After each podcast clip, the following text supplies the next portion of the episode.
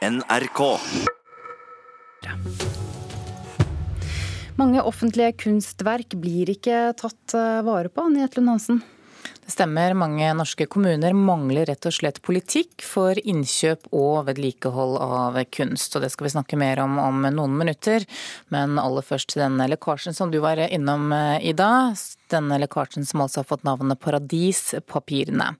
Disse lekkasjene involverer også kjendiser i underholdningsbransjen. Lekkasjen som ble kjent i går, avslører altså hvordan både privatpersoner, maktelite og multinasjonale selskaper plasserer pengene sine i land med svært lave skattesatser. Så er det sånn da at mange kjendiser har mye penger, og reporter Oddvin Aune, hvem er det som blir dratt inn i disse avsløringene som har kommet nå de siste timene? En av de er U2-vokalist Bono. Han har jo tjent eh, mye penger på sin karriere, og av alle ting så har han plassert noen av pengene sine i et kjøpesenter i Litauen, hvor han er medeier. Det er sikkert vel og bra, det, men problemet er at det har skjedd via eierselskaper i skatteparadiset Malta.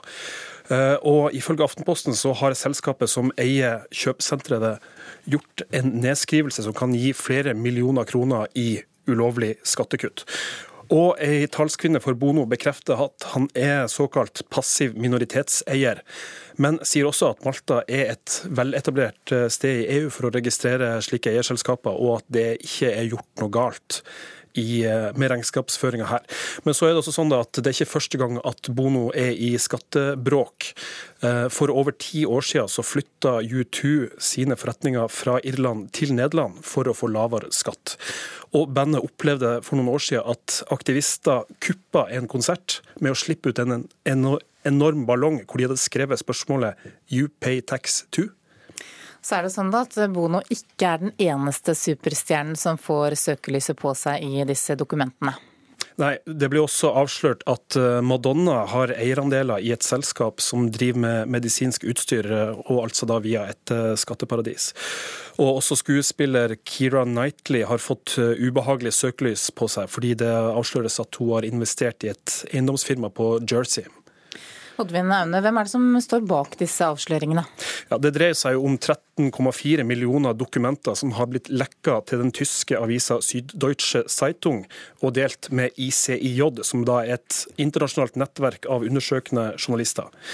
Og fra Norge så er Aftenposten med på det laget her.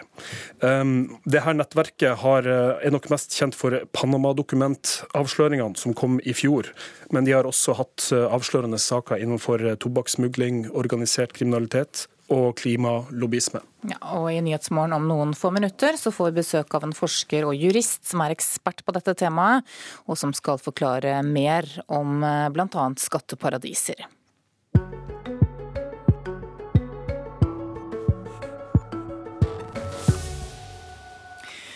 Det er ikke alltid like lett å finne penger til vedlikehold av offentlige kunstverk. Selv om mange kommuner har bestemt at de skal bruke 1% av byggekostnadene på nye bygg til kunst og utsmykking, så har de ikke alltid penger til å drifte og vedlikeholde den kunsten som blir oppført.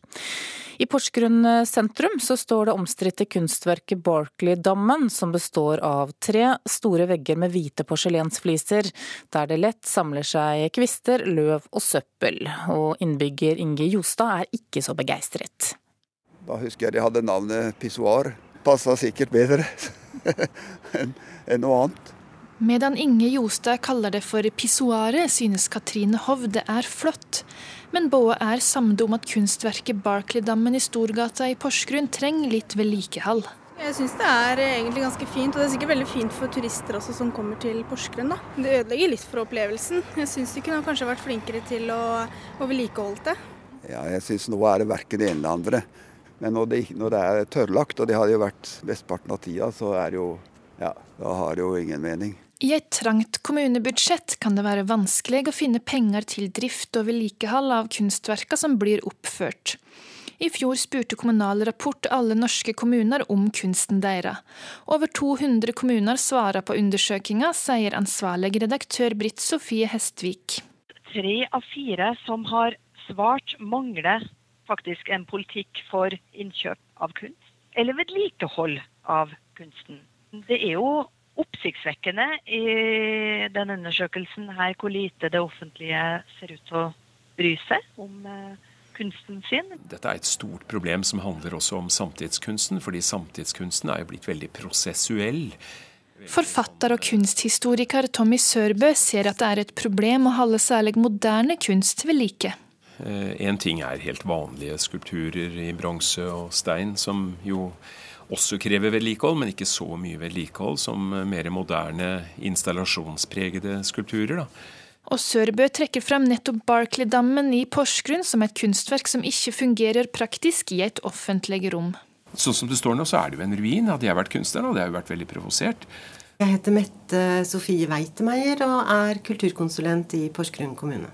Hun arbeider bl.a. med å følge opp vedtaket om at 1% av byggebudsjettet i nye kommunale bygg skal gå til kunst.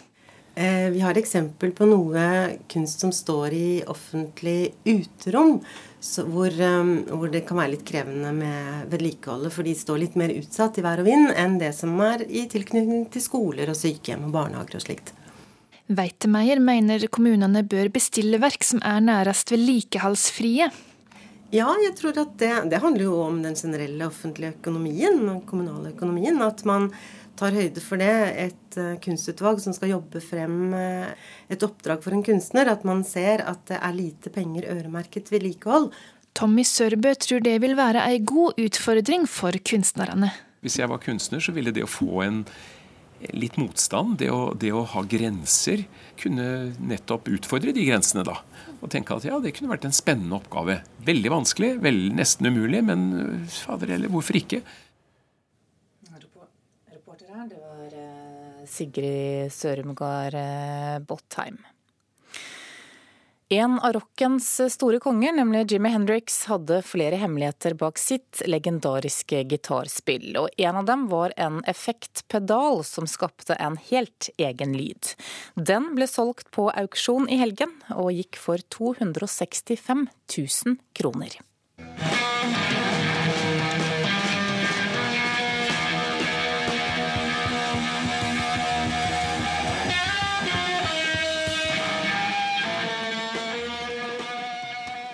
Jimmy Henriks på Woodstock-festivalen i 1969 med sin helt spesielle versjon av den amerikanske nasjonalsangen.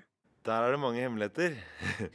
Sier gitaristen i Raga Rockers, Eivind Staksrud.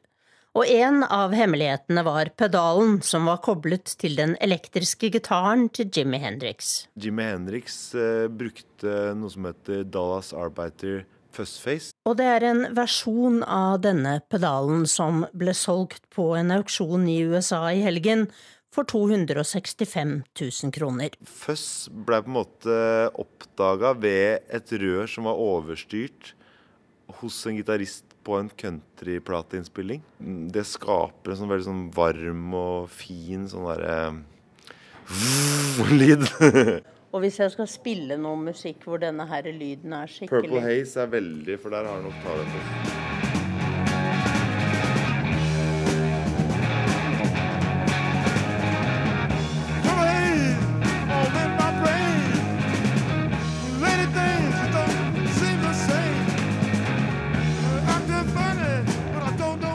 det låter eh, enormt kraftig.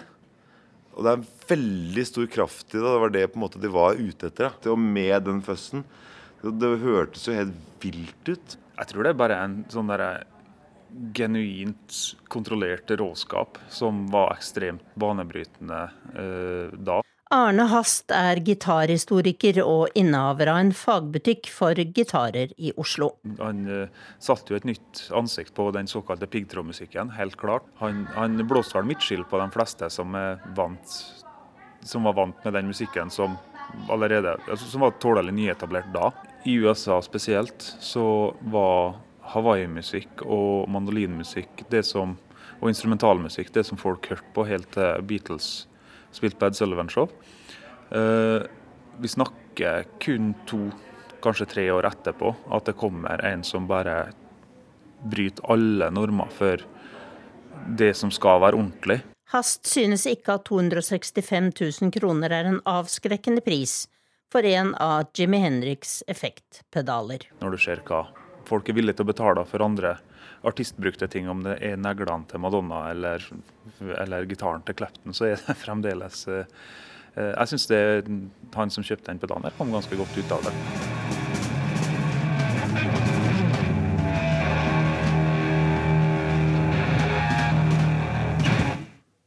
Og reporter her, det var Tone Staude. George Orwells roman 1984 gjorde et hopp på salgslistene i USA, både etter Snowden-avsløringene i 2013 og etter det amerikanske presidentvalget i fjor. I helgen så hadde teaterstykket basert på boken premiere på Nationaltheatrets scene på Torshov, og vi skal høre et lite utdrag her. Winston. Winston. Er det deg? Det er meg. Parsons. Parsons, hva er du inne for? Tankeforbrytelse. Visste ikke at jeg hadde en eneste dårlig tanke i huet engang. Jeg lå og sov. Snakket, skrek i søvne. Skrek ned med storebror. Ned med storebror. Ja, Du hørte altså Herman Bernhoft og Sigurd Myhre. Kan du ta med at dette var et utdrag fra stykket som var gjort i prøveperioden. Men på lørdag så var det premiere, og Karen Frøsland Nystøyl, teaterkritiker her i NRK, du var der. Kan du gi oss et kort sammendrag av hva dette stykket handler om? Ja, Stykket er jo basert på boka 1984, og setninga 'storebror ser deg' gjør vel at vi alle klarer å plassere 1984, at vi har hørt om den på en eller annen måte. Men dette er jo en versjon for scenen. Den er bare noen få år gammel, skrevet i de tider da Chelsea Manning-saken og hennes tilståelse var, var prega av nyhetsbildet. Det er en framtidsroman. Det er en dystopi. Det er en roman skrevet i 1949 som handler om eh, altså som advarer mot overvåkningssamfunnet. Det er en sterk advarsel mot eh, totalitære regimer. Og som vi hørte her, så var jo en av de tatt eh, av tankepolitiet. For det er jo nettopp det at partiet som styrer her, de ønsker kontroll over tankene dine, over fortid, over fremtid. Og Winston, som er hovedkarakteren her, han har sin hukommelse i behold, og han ønsker å gjøre opprør, og det har sin pris. Mm. Hvordan har de løst dette på Torshov-teatret? Ja, De som setter dette opp, det er science fiction-gruppa. En sånn liten gruppe fra, fra Nationaltheatret som har to år på å gjøre science fiction-teater på Torshov-teatret.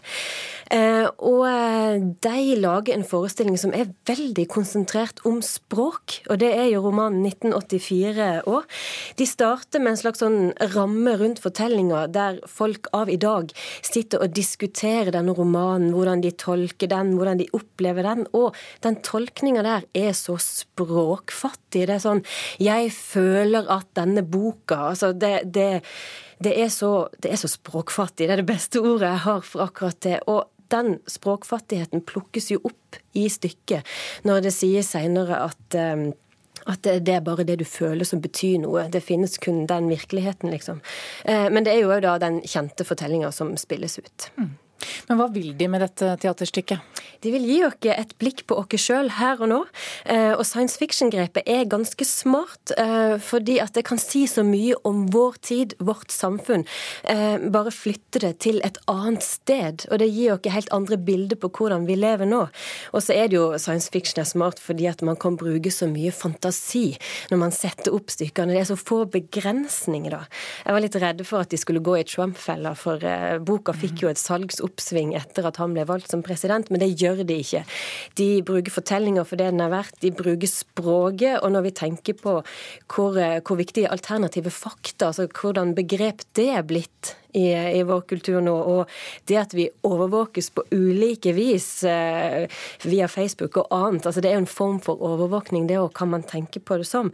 Det, det gjør det interessant. Um, de skaper et nyansefattig språk, et veldig farlig språk. Nyanse er ekstremt viktig for, eh, for språkvirkeligheten vår, og for virkeligheten vår, da, hvordan vi beskriver den. Så språket har sin egen historie. Og Stykket viser også alvoret i å stå alene og stå for det du tror på. Karen Frøsland Nystad, takk for at du kom til Nyhetsmorgen.